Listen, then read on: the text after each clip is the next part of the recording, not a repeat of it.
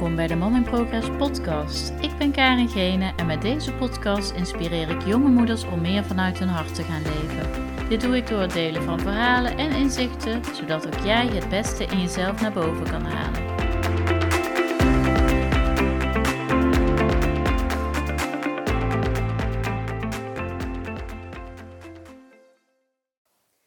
Hey, leuk dat je luistert naar weer een nieuwe aflevering van de Mom in Progress podcast. En ehm, ik heb zojuist een lekkere meditatie gedaan met, uh, met cacao. Uh, dat is iets wat ik eigenlijk uh, al best wel een tijdje doe met regelmaat. het is eigenlijk gekomen doordat ik een ontmoeting had met iemand op het business retreat van Kim Munnekom, wat ik vorig jaar oktober heb meegemaakt. En um, nou, zij geeft cacao-ceremonies en op die manier ben ik eigenlijk in aanraking gekomen met uh, cacao. En um, nou, nu, uh, nu doe ik dat met regelmaat. Uh, ja, drink ik een kopje cacao waarbij ik een, een fijne meditatie doe. En al dan niet begeleid door haar ook. En ehm, het is echt de moeite waard om haar ook, ook te volgen. Um, ik zal even in de show notes zetten wat haar uh, link is. Zij heeft een uh, relatie uh, met haar man, heeft ze eigenlijk een, een relatiecoachingbureau. En um, ja, zij, zij doet daarnaast nog hele mooie dingen met cacao en verbinden um, van vrouwen. En ja, het is zo'n mooi mens, dus zeker de moeite waard om haar ook, ook te volgen. En um, ja, en sowieso mocht je zoiets hebben met je relatie van, uh, ik, heb het gevoel van, dan mag ik wel wat meer. Um, ja, dat, dat, gaat niet altijd even makkelijk of, of soepel. En we willen weer terug naar die verbinding. En soms voel je je als, als ouders voel je vooral um, um, een team. Hè? Maar wil je ook weer liefdespartners vinden, heeft ze ook een hele mooie, hele mooie trajecten bieden zij aan. waarin je echt weer op zoek gaat naar, uh, naar uh, meer liefde binnen je relatie. En uh, ja, echt een love journey eigenlijk. Dus uh, nou, zoals ik al zei, ik zal het even in de show notes zetten. Um, en uh, ga vooral volgen, want ehm, ja, ze biedt gewoon hele mooie dingen aan samen met haar man. Maar goed, ik zat dus tijdens een meditatie, uh, was ik eventjes aan het, mijn intentie aan het zetten voor vandaag. En ja, ik, ik nam dus de intentie mee uh, om, uh, uh, om een, gewoon een fijne dag te ervaren. een positieve dag waarin ik veel inzichten mag krijgen, maar ook waarin ik ehm, de woorden gewoon mogen stromen voor mijn podcast. En dat is iets wat ik, ja, wat ik als experiment zie, omdat ik soms te veel bezig ben met waar ga ik mijn podcast over houden. En nu uh, wil ik het wat meer vanuit flow uh, gaan uh, opnemen. Dus ik zit hier nu lekker in mijn, in mijn eigen kamertje. Ik heb net mijn meditatie met cacao achter de rug. Dat is overigens ook iets wat ik wil meenemen in, in, voor de massage. Dus mocht je ooit een ontspanningsmassage bij me willen boeken met cacao, dat kan dat ook. Omdat ik gewoon voel wat voor ja, wat de cacao doet. Het zet echt uh, letterlijk je hart uh, steeds meer een beetje open. En je mag dus steeds meer uh, ja, ontspannen en ontvangen.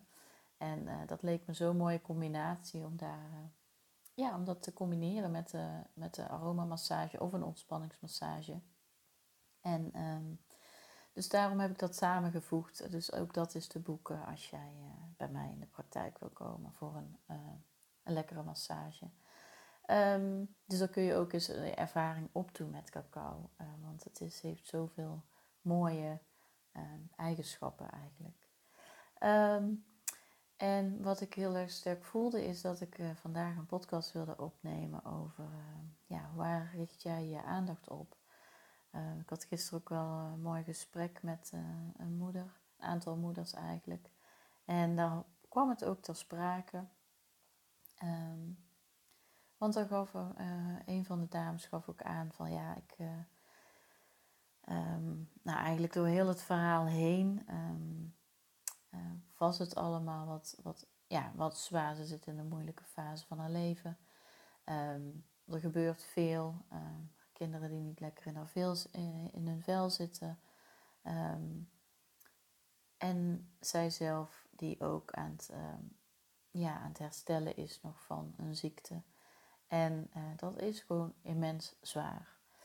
En gaandeweg haar verhaal merkt je een beetje dat zij uh, heel erg in het, uh, ja, in het, um, in het tekort zit. En het, het, ja, het bijzondere is dat je dat vaak gewoon niet in de gaten hebt. Ik had dat een enkele jaren ook niet in de gaten. En um, achteraf ben ik me bewust van hoe erg ik in het tekort zit. En soms denk ik nog steeds van, oh Karen, dit is die tekort mindset. Maar um, en met een tekort mindset eh, bedoel ik eigenlijk uh, dat je voelt of dat je, dat je altijd het negatieve ergens van inziet. Of um, um, ja, het, de, de focus eigenlijk legt op het verkeerde.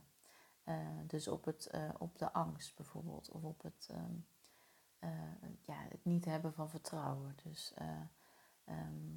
ja, als ik bijvoorbeeld kijk naar mezelf, dan um, kan ik ook wel eens uh, richting de kinderen wel eens denken van, oh, daar gaan we weer.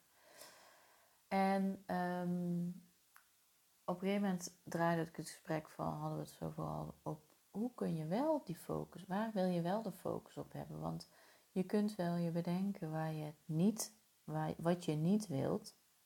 Maar als je gelooft in uh, dat alles energie is en dat, uh, dat, uh, dat het universum of de kosmos of um, hoe je het ook wil noemen, um, dat je daarin gelooft, is, is dat, dat die kennen het woordje niet niet. dus op het moment dat jij je intentie zet van ja, ik, ik wil niet dat mijn kinderen schreeuwen in huis, dan gaan ze schreeuwen in huis, want het woordje niet valt weg dat valt echt in het niet. En, ehm, maar wat wil je wel? Ik wil dat we zachtjes communiceren. Dat we gewoon rustig met elkaar praten. En dat is echt wel heel moeilijk, want ik betrap me er zelf ook nog echt met regelmaat op. En ik vind het ook echt wel lastig. Maar op het moment dat je daar steeds meer bewust van bent, van oh, ik doe het weer, dat is wel gewoon een mooie stap. Die bewustwording is eigenlijk al key. Want dan um, ja, dan, dan heb je al, ja, dat is eigenlijk al het halve werk. Dus je bent je bewust van wat je doet. Vervolgens wil je dus uh, je focus ergens anders op leggen. Dus je focus mag veel meer op wat je wel wilt. Wat wil je wel? Hoe wil je dat eruit zien? Hoe zou je willen dat jouw dag verloopt? Hoe zou je willen dat jij reageert op de kinderen? Want je kunt niet altijd um, je kunt een ander gewoon echt niet veranderen. Die overtuiging die heb ik inmiddels ook wel. Um, hoe graag je ook wilt dat je kinderen um, luisteren, dat, ja, er zit gewoon ook dan iets anders achter. Dan is er gewoon een, um, een gebrek aan verbinding. Jouw kind die reageert altijd op, op de energie. En uh, op het moment dat, die, dat ze gaan schreeuwen of gaan roepen, dan is er duidelijk iets aan de hand. Dat kan zijn dat er een gebrek aan aandacht is, aan verbinding. Een gebrek aan autonomie bijvoorbeeld, dat hij geen zeggenschap heeft over iets. Um, en dat vond ik ook wel een mooi inzicht wat ik, uh, wat ik uh, kreeg. Want um, ja, ik heb bijvoorbeeld wel kinderen die uh, ook wel graag hun mening willen geven. Dus op het moment dat jij bepaalt, dat jij een keuze voor ze maakt, dan kan dat, aan, dan kan dat er naartoe leiden dat zij gaan schreeuwen, want ze zijn het er niet mee eens. Um, maar op het moment dat je ze een keuze geeft, dus um, doe jij je schoenen aan of uh, help ik jou daarbij, uh, in plaats van doe je schoenen aan.